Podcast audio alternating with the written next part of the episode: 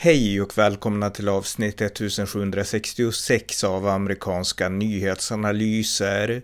En konservativ podcast med mig, Ronny Berggren, som kan stödjas på swishnummer 070-30 28 95 0. Här följer en uppdatering om det senaste i USA tillsammans med min svensk-amerikanske kollega Björn Nordström från Arizona. Varmt välkomna! Björn Nordström, välkommen! Jajamän, tack så mycket. Vi ska uppdatera igen om det senaste som hänt i USA och eh, vad är det första du vill prata om? Ja, jag, det här eh, representanthuset, Speaker of the House, är klart färdigställt nu och eh, det, du nämnde ju det i en podd tror jag alldeles nyligen, alldeles idag morse. Mm. Och Kevin McCarthy vann ju. Ett par saker, kommentarer jag bara vill lämna in, det är att, att det här anledningen till, och jag nämnde det i förra podden, tror jag det var anledningen till att många, framförallt Freedom Caucus, Freedom Caucus är ju då, vad ska man säga, en grupp då, det är ungefär som EU-grupper fungerar lite grann, men det är en grupp då i representanthuset med de mest konservativa höger, högervridna eh, republikaner. Jag tror de är 54 stycken i det just nu. Men det var framförallt eh, ungefär ett drygt dussin av dem som vägrade ställa upp bakom Kevin McCarthy. Och under de här tre, fyra senaste dagarna så har McCarthy gjort mer och mer eftergifter till den gruppen, vilket betyder att Kevin McCarthys representanthus blir allt mer höger, allt mer konservativt och allt längre ifrån Demokraterna. Och det vi kommer att se nu, uh, det är, tror jag, att mycket av det, framförallt inom budgeten, till exempel att budgeten ska ha ett, ha ett tak. Det ska inte vara liksom bara en obegränsad budget. Det ska finnas mer tak, med andra ord. Det ska finnas mer. Uh, det ska finnas en gräns för, för hur mycket budget man har. Det ska vara tuffare vid gränser vid USA och vid Mexiko och så vidare. Va? Mm. Och det vi kommer att se är att, att det kommer att bli en, en, ganska rejäl högervridning, mer så än Kevin McCarthy från början ville ha. Han var anklagad om det här Freedom Caucus de här 50, ja, dussintalet då representanter, då, men det här Freedom Caucus innehåller ju då 54 tror jag det är just nu personer. Han blev anklagad då för att vara för mycket för nära Demokraterna, för mycket vänster och så vidare och så vidare. Va? Så att han var tvungen att göra en rejäl högersväng för att tillfredsställa tillräckligt många konservativa höger, högerinriktade då, eh, rep, eh, republikaner för att inte rösta för honom, men att de inte skulle rösta emot honom. De röstade present istället för att rösta, uh, rösta emot honom, för att rösta på en annan kandidat. Så det, det är det vi kommer att se och det går väl att jämföras lite grann med att, att Ulf Kristersson var tvungen att anpassa sig ganska mycket till Sverigedemokraterna för att kunna bli statsminister under Tidöavtalet. Det var ungefär det vi, man kan jämföra ganska bra med det. Det blev ett slags Tidöavtal här i USA där McCarthy har drivits rätt mycket åt höger. Uh, ungefär som Kristersson drevs väldigt mycket åt Sverigedemokraterna för att kunna få bli statsminister. Så man kan väl jämföra det med ungefär Tidöavtalets Uh, vad ska man säga, um, diskussion i Sverige för att Kristersson skulle lyckas bli statsminister. Så det är ungefär det som har skett i Sverige nu. Så för Demokraterna så är det en, ett stort rejält bakslag nu, även om de var lyckliga och hyllade och tyckte det var jättekul ett tag där att det var kallspannade republikaner. Men för Demokraterna är det här ett väldigt stort bakslag. Påminner ungefär som att för Miljöpartiet är det väldigt stort bakslag att Sverigedemokraterna får ett, får ett väldigt stort inflytande i, i migrationspolitiken till exempel. Så det är väl det ungefär man kan jämföra med. Mm.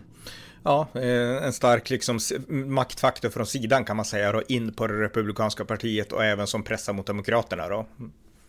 Ja, precis. Och även Freedom Caucus kommer att få mer kommittémedlemmar än de förut har haft. Man, varje då, det finns ju kommittéer precis som det finns kommittéer i Sverige. Va? Så Freedom Caucus kommer att få fler kommittémedlemmar i fler kommittéer nu. Med andra ord, de får mer makt i kommittéerna där det verkliga jobbet görs.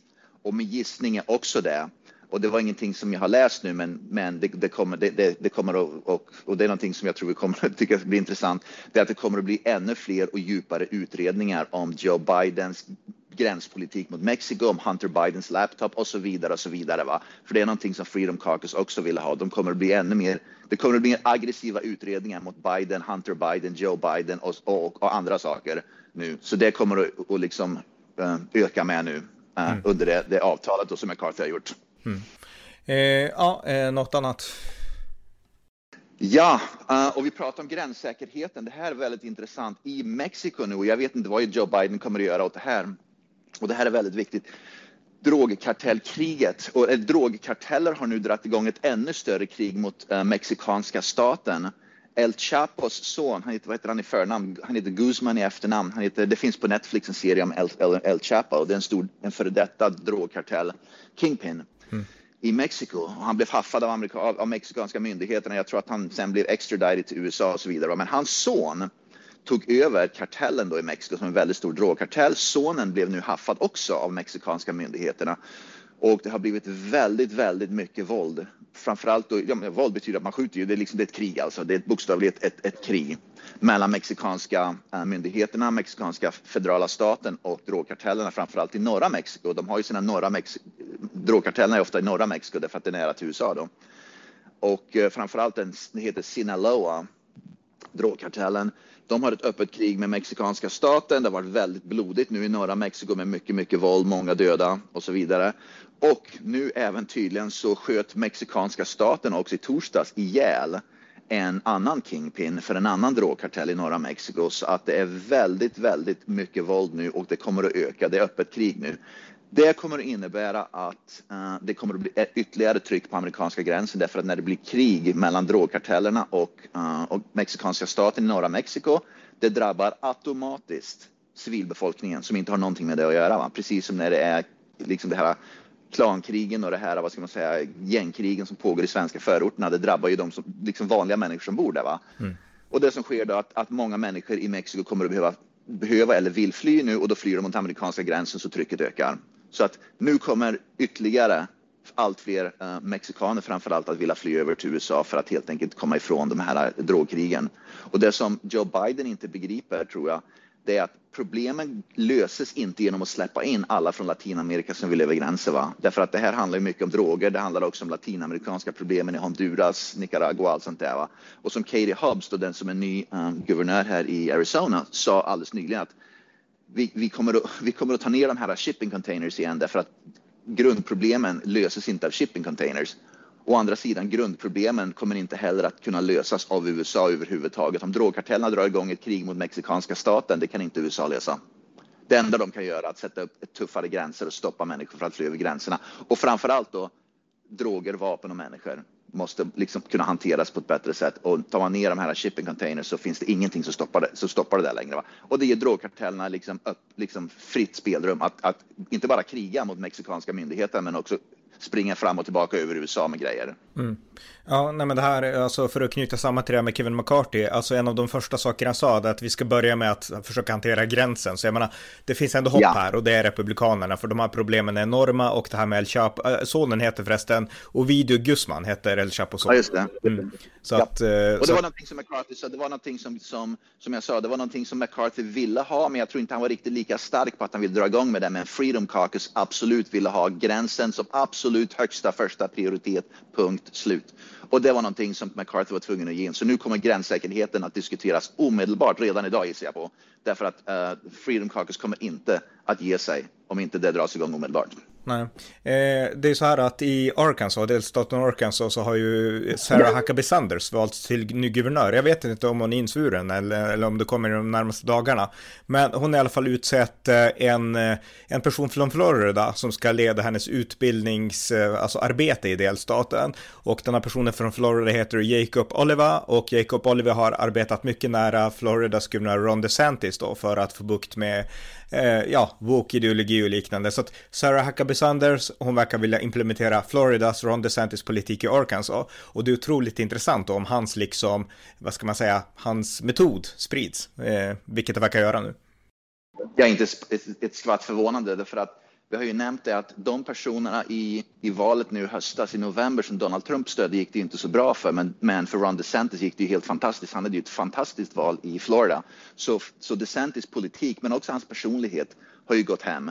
Och, så att jag är inte speciellt förvånad över att nu börjar det kopieras och det är därför jag tror att, att uh, DeSantis kommer att bli uh, Presidentkandidat. Stats, presidentkandidaten 2024. Va? Därför att nu ser många kandidater, även tror jag Carrie Lake nu i efterhand här i Arizona som inte blev Arizonas um, guvernör, inser nu i efterhand att det är Ron DeSantis man ska kika på, inte Donald Trump. Och jag tror det kommer att vara allt fler republikaner som kommer att börja begripa det. Och det är han som sätter tonen nu. Och det kommer också någonting som, som vanliga människor här i USA som, som vill se en republikansk president. Det är därför de kommer vilja se DeSantis nu och inte Trump. Mm. Eh, ja, precis. Något annat? Ja, Eh, på tal om Katie Hubbs, jag nämnde i det förra podden att hon hade ju lovat under sin valkampanj att hon skulle vara mer transparent med vart pengarna kommer till henne, donationerna kommer till henne. Hon vägrar göra det. Republikanerna som faktiskt är i majoritet i både representanthuset och i senaten här i delstaten Arizona kommer nu att dra igång en utredning omedelbart för att se vart, vart donationerna kommer ifrån som betalade för hennes eh, inauguration ball. Så de kommer i alla fall att göra nu en, en, utredning till vart hon får pengar ifrån därför att hon, hon, hon inte varit transparent som hon lovade hon skulle vara. Så att det är ju bra i alla fall. Mm. Att hon, så att det, det kommer fram. Um, en grej till såg jag här nu på tal om migrationen. Det är tydligen många migranter nu som kommer via båtar och det påminner väl om, om båtmigranterna som kommer från Afrika upp till Italien då. Eh, Key West i Florida, det är liksom USAs sydligaste punkt. Nu börjar det anlända en massa båtar med migranter till Key West, så Ron DeSantis nu har aktiverat National Guard och skickat ner dem till Key West för att få för att hjälpa Key West med uh, illegala båtimmigranter helt enkelt. Va? Så kaoset där bara fortsätter. Men, men det här, om du vet det, alltså klassiskt så har det kommit folk från Kuba just till Key West och till Florida. Det är här andra former ja. av liksom migranter? Ja, då, var det ju, då var det ju kubaner och kubaner har ju en speciell status så de kommer ju få, som kubaner når USAs fastland, då får de automatiskt um, asyl. Mm. Därför att det är liksom ett automatiskt asylland. Va? Så direkt, men, och då har man ju liksom bara, det har de absorberat och det har varit ganska kontrollerade former. Va? Men nu är det ju precis som det är vid mexikanska gränsen uh, här i Arizona och Kalifornien då, nu är det inte bara längre latinamerikaner som kommer hit. Man hittar massa araber, man hittar liksom människor från hela världen kommer till Mex Mexiko nu. Liksom man flyger från andra länder till Mexiko, även från Filippinerna och Sydostasien för att sen ta sig över gränsen. Det man börjar se mer och mer nu vid, uh, i södra Florida vid Key West, det är, inte bara, uh, det är inte bara kubanerna längre, utan det är då människor från hela världen som kommer dit för att de inser att det är ett annat sätt att ta sig in i USA via, via båtar som, som kubanerna sätter mm. sig i. Just det. Ja, Nej, men det visar verkligen hur allvarliga gränsproblemen är. Jag tänkte också fråga, igår var det ju 6 januari, alltså två år sedan, ockupationen av Kapitolium och jag vet att Joe Biden höll ett stort tal. Hur mycket pratas det om det här? Och det känns ju lite grann som att, jag menar, jag är ju kritisk till det som hände, men alltså Demokraterna vill verkligen politisera det här också, och liksom få det framstå som 9-11 liksom. Så att, eh, men vad är dina, dels tankar, men också liksom vad, hur mycket har det rapporterats om det här i media i USA?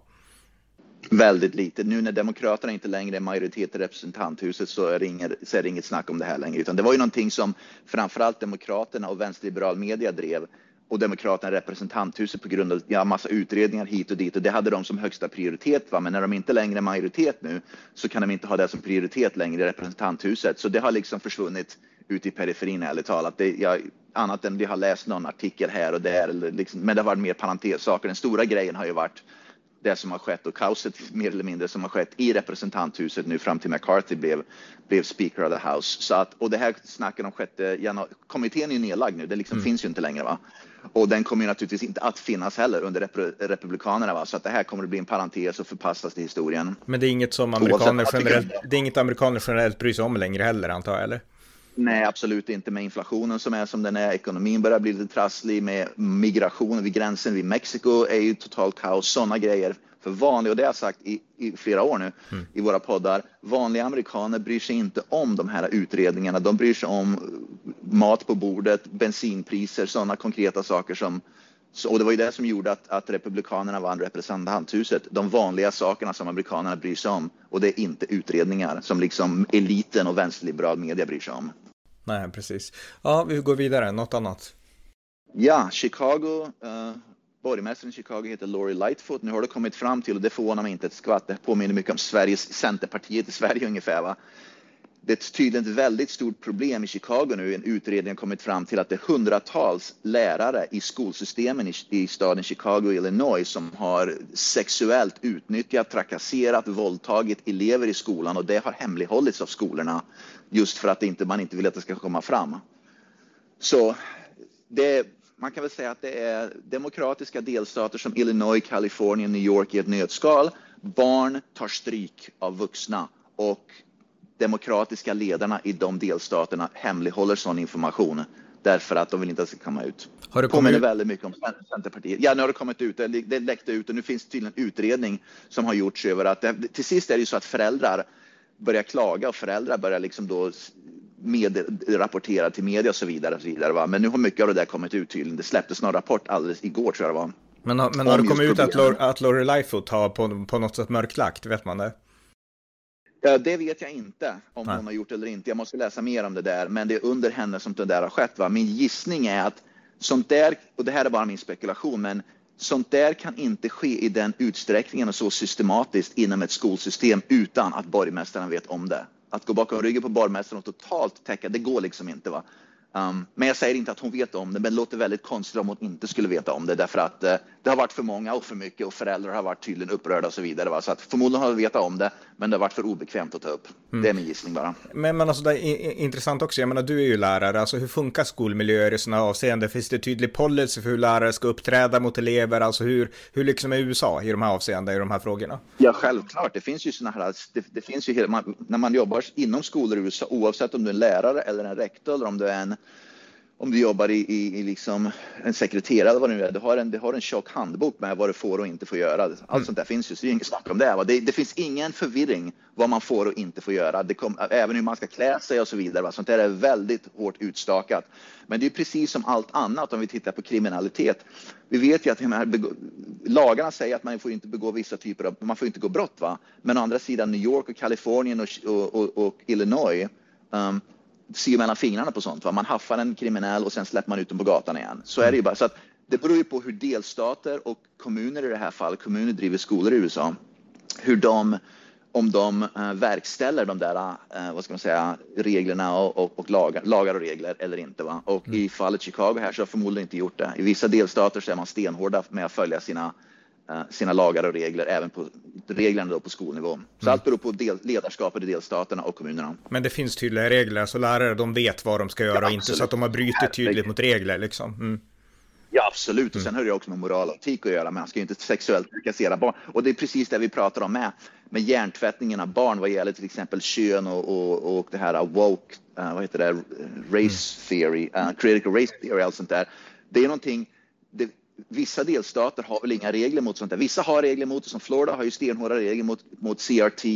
New York har det inte. Men för mig är det en fråga om etik och moral. Om jag undervisar matematik, jag har ju ingen liksom, anledning att börja snacka om, om, om ras och, och kön och så vidare med elever i skolan. Det har ju, liksom, det, det har ju bara med professionalism att göra, det gör man inte bara.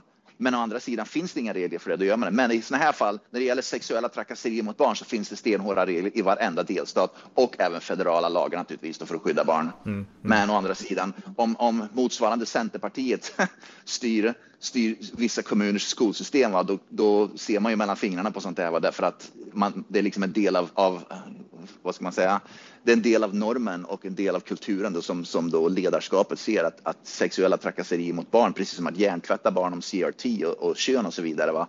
det är någonting som man tillåter, det är helt okej okay för vissa. Mm. Ja, vi går vidare, något annat? På tal om skolor, det här visar också de större problemen i USA med skolskjutningarna. En sexårig pojke, sex år, det är alltså lekskolan vi pratar om här, medvetet tog med sig ett vapen till en skola i Virginia, en lekskola i Virginia och medvetet sköt sin lärare. Läraren dog inte men är i väldigt kritisk critical condition på ett sjukhus nu. Så nu är sexåringen anhållen av polisen för mordförsök. Mm. Hur, hur tusan gör man med det? Förmodligen kommer föräldrarna också att bli anhållna och åtalade för att ha medverkat eller för att inte ha kunnat stoppa det, att de hade ett vapen som sexåring kunde de med till skolan. Va? Men det här visar att precis som i Sverige så ser vi att nu jag läste någonstans bara för ett par dagar sedan att nu är det ju 13, 14, 15-åringar som, som, som liksom använder automatvapen och börjar skjuta med i Sverige. Mm.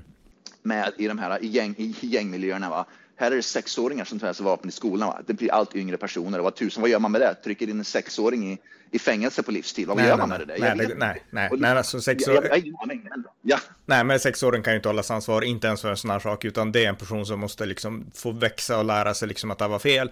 Och tack och lov att läraren inte dog, men alltså om, om sexåringen har fått vapnet eller kanske liksom, alltså förmodligen så var det ju föräldrarna som inte hade vapnet inlåst eller liksom hanterade ja. det ansvarsfullt. Så att någonstans måste ja. väl skulden läggas där, skulle jag tro. Um, Precis, men, familj, men, men det här är ju, okej okay, vad gör man då? Sätter in föräldrarna i, i ett fängelse i flera år och då har barnet inga föräldrar. Sen, föräldrar var ska man sen sätta in barnet i skolan? Det måste bli en annan skola, en specialskola. Det här är inte bara frågan om brott och straff, det här är vad gör man resten av livet med det här barnet? Mm. Vem vill gå i skolan med det här barnet? Vem vill ha en klasskamrat som har skjutit en lärare som sexåring i framtiden?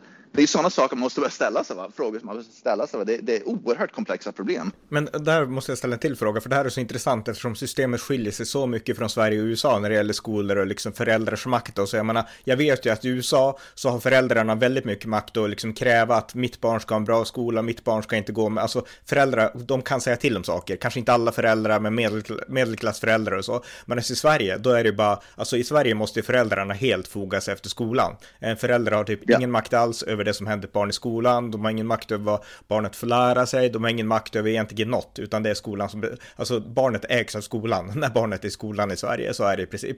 Eh, men, men, i USA skulle man alltså kunna ha möjlighet, alltså att om det är en, jag menar om det är dåliga, om det är dåliga och stökiga elever i en svensk skola, föräldrarna har väldigt lite att säga till om, även om det går ut över deras eget barn. Men alltså i USA då kan man liksom, till exempel att jag vill inte att mitt barn ska gå i samma klass som en, en elev som har skjutit en lärare till exempel. Kan man ställa sådana krav på ett annat sätt i USA? Ja, självklart. Och eftersom kraven, eftersom allt fler delstater, det beror på lite grann på delstater, men vissa delstater har ju då med väldigt många friskolor och även då så finns ju naturligtvis, uh, vi pratade om det i förra podden, det här um, homeschooling, det här hemundervisning ja. som är väldigt vanligt och blir allt vanligare. Anledningen till att hemundervisning, med andra ord, barnet går inte till en skola, den undervisar i hemmet i hemmet av en av föräldrarna eller så har, går man tillsammans i vad man kallar för cooperatives Eh, med andra familjer så finns det alltid någon ingenjör som undervisar matte och fysik och det finns alltid någon som är duktig på historia och så vidare. Och så vidare. Så man har ett kooperativ och går till ett bibliotek varje dag och, och gör en egen skola. Va? Och det är för att föräldrarna helt enkelt börjar bli mer och mer rädda för att skicka sina barn till just skolor för att det börjar bli allt mer och mer våld där. Och det är ett resultat och det gör att skolorna oavsett om de vill eller inte så tvingas de göra mer och mer. Man måste börja skicka iväg de där eleverna till andra ställen därför att annars är det så många elever som försvinner från skolorna och om eleverna inte längre går i skolorna så, tappar, så förlorar skolorna pengar därför att varje elev kommer med en viss summa pengar. Mm. Så här i USA så funkar det så att eleven är värd en viss summa pengar. Sen beror det på delstaten. Varje delstat har en olika, har en olika summa pengar. Va? Men varje elev är värd, citattecken, är värd en viss summa pengar. Och sen om eleven skickas till en fri, om föräldrarna skickar eleven till en friskola, då är det friskolan som får de pengarna. Pengarna liksom färdas med eleven och sen vart eleven går i skolan, det är där pengarna hamnar. Om föräldrarna då väljer att hemskola barnet, då stannar pengarna hos delstaten. Med andra ord, ingen får de pengarna då. Och det är någonting som skolorna gör. Så om skolorna förlorar för många elever så tappar de väldigt mycket pengar och då måste man börja sparka lärare, man måste börja sparka anställda och så vidare och det skapar mer och mer problem mm. rent finansiellt för skolor. Så till slutändan så är det så att ekonomin kommer att driva det hela. Att skolorna måste ta vissa beslut för att hålla kvar eleverna i skolan för att få pengar. Mm, just det. Eh, ja, Okej, okay. eh, vi går vidare. Har du något mer? Ja, vi pratar mycket om Lea Thomas, den här simmaren då, simmaren, simmerskan då, som var en kvinna och blev man och började dominera och vinna allt i USA. Nu är det i alla fall en, en transgender simmare. Det här visar också på, uh, på nivåskillnaden mellan manlig och kvinnlig sport och framförallt simning då i det här fallet. Det var en kvinnlig simmare, minns inte vilken delstat, men det var en kvinnlig simmare som blev man förlåt, förlåt, en manlig simmare som blev kvinna mm. i college på universitetsnivå och vann en massa tävlingar och var i toppen av kvinnor liksom simningen och sen beslutade sig för att göra en detransitioning, med andra ord gå tillbaka till att bli en man. Och den första tävlingen då som den här äh, före detta kvinnan som blev man, förlåt, mannen som blev kvinna, jag blir väldigt rörd alltså. för den första tävlingen som den biologiska mannen gjorde efter detransitioning från kvinna till man, tillbaka till man, de, den kom trea sist. Det var 82 som var med i tävlingen och den kom 79 eller något sånt där. Va? Som andra ord, den kom i slutet. Och det visar just att män, biologiska män som vill vinnas tävlingar och liksom bli i, i, i elitidrottens topp, va? som inte har en suck bland män, de övergår och blir kvinnor för då får man vara med och vinna. Går man tillbaka och blir man, ja då har man inte en chans längre. Va? Mm. Så att det var liksom kontentan av det hela. Ja, ja något annat? Ja, Eric Swalwell Eh, Eh, på, tal, på tal om galna vänsterliberala demokrater här, Eric Swalwell, och det är väl hans våta dröm nu. Han har nu varnat för att republikaner, precis som det här 6 januari som hände 6 januari, va? som inte har någonting med, politik, liksom med republikanska politiker i kongressen att göra. Det var inte de som stormade Kapitolium. Va? Men han har i alla fall varnat för att republikanerna i kongressen kommer förmodligen att börja, börja ta med sig vapen och börja skjuta, skjuta ihjäl folk i kongressen nu. Och det påminner väldigt, med andra ord, det påminner väldigt mycket om Anders Lindberg, det här med att man, man hittar på saker, att Sverigedemokraterna, om de får makt så kommer de att, att, att liksom skicka ut människor i koncentrationsläger och så vidare. Va? De här fullständigt sinnessjuka konspirationsteorierna som inte har någon form av fakta eller någon form av ska, normalitet bakom sig. Men Swalwell är i alla fall ute, inne på spåret nu att Republikanerna när de har fått makten i representanthuset kommer att liksom skjuta sönder det med vapen. Mm. Och det, viktiga och det, det, det visar att galna är med. Ja, ja, verkligen. Och det viktiga är det ju på något sätt att verkligen förklara. För att, när, för jag menar, han är ju sån, han är ju liksom en liberal aktivist liksom. Men ja. det viktiga är att journalister, speciellt här i Sverige, inte köper de här narrativen och beskrivningarna av republikanerna som sanna. Jag menar, om vi tar 6 januari, det var såklart fruktansvärt tycker jag, men alltså faktum är att våren 2020, då stormades Vita huset av en stor vänsterpöbel som liksom nästan ja, tryckte sönder staketen runt Vita huset bara för att Donald Trump var president. Och det var ingen i vänsterliberal media som brydde sig som det liksom. Och på vänsterkanten så har vi många demokrater, du och jag har pratat om, om dem förut, Maxim Waters och alla andra, som i princip har manat till våld mot republikaner. Och vi hade ju också den här, oh vi hade ju också den här republikanen som faktiskt var skjuten, han sitter ju i kongressen, den här, vad heter han, från New York, den här... Alltså, Steve Scalise. Ja, exakt, Steve Scalise. Han är från Louisiana tror jag han är ifrån. Ja, just det, okej. Okay. Men han var i alla fall skjuten, han kanske var skjuten i New York, ja. jag minns inte, men han var i alla fall skjuten. Och, han, var, han blev skjuten, det var han som blev skjuten under den här Congressional Baseball Game i Washington DC för några år sedan. Mm. Um, det var en krypskytt, en, en vänsterliberal krypskytt som låg på skjut. Och Republikanerna mot, spelar baseball mot Demokraterna varje år i en, liksom en, en vänskaplig baseballmatch och det var där han blev skjuten alldeles innan matchen av en, och det var utanför Washington DC. Mm. Exakt, så jag menar det journalister måste fatta det är att man kan inte köpa de här demokratiska narrativen av att republikanerna är extremister utan de här problemen med våld på båda sidor, det är en del av USAs extremt polariserade tragiska kultur kultur. Men det är liksom, skulden ligger inte bara på ett parti. Och om jag då, som kanske inte är objektiv, men skulle jag lägga skulden på något parti så är det på Demokraterna.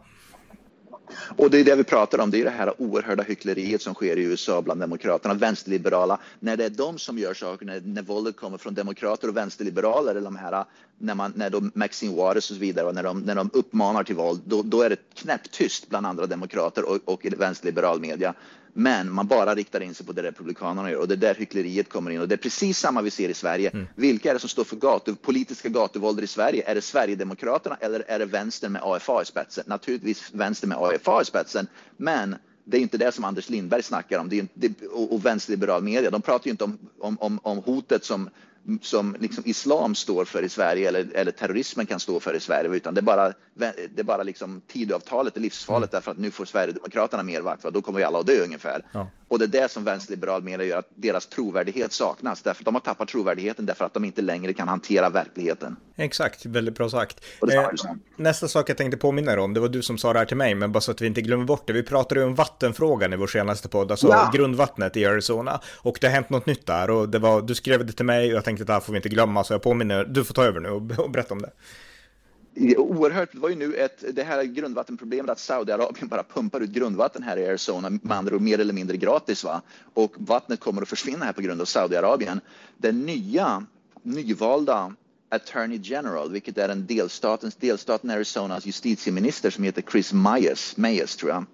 Hon är demokrat, vilket är helt otroligt. Hon har nu omedelbart sagt att hon tänker försöka sätta stopp för Saudiarabiens vattenpumpning här i Arizona omedelbart. Så med andra ord, det krävdes en demokratisk AG för att ta upp det här som ett problem och försöka sätta stopp för det. Så att, att hon vann valet nu, det var ingenting som jag har läst att hon ville ha som sin... Hon kampanjade inte för det under valkampanjen då för att bli Attorney General, men att hon tar upp det nu, det ger jag jättemycket cred till henne för. Att, att hon är demokratisk spelar ingen roll, hon gör ett sak, punkt slut. Så att jag är glad över att hon vann valet nu eftersom hon tydligen vill ta upp det där och sätta stopp för det. Mm. Alldeles utmärkta nyheter och att vi tog upp det i podden häromdagen, det var bara en ren slump.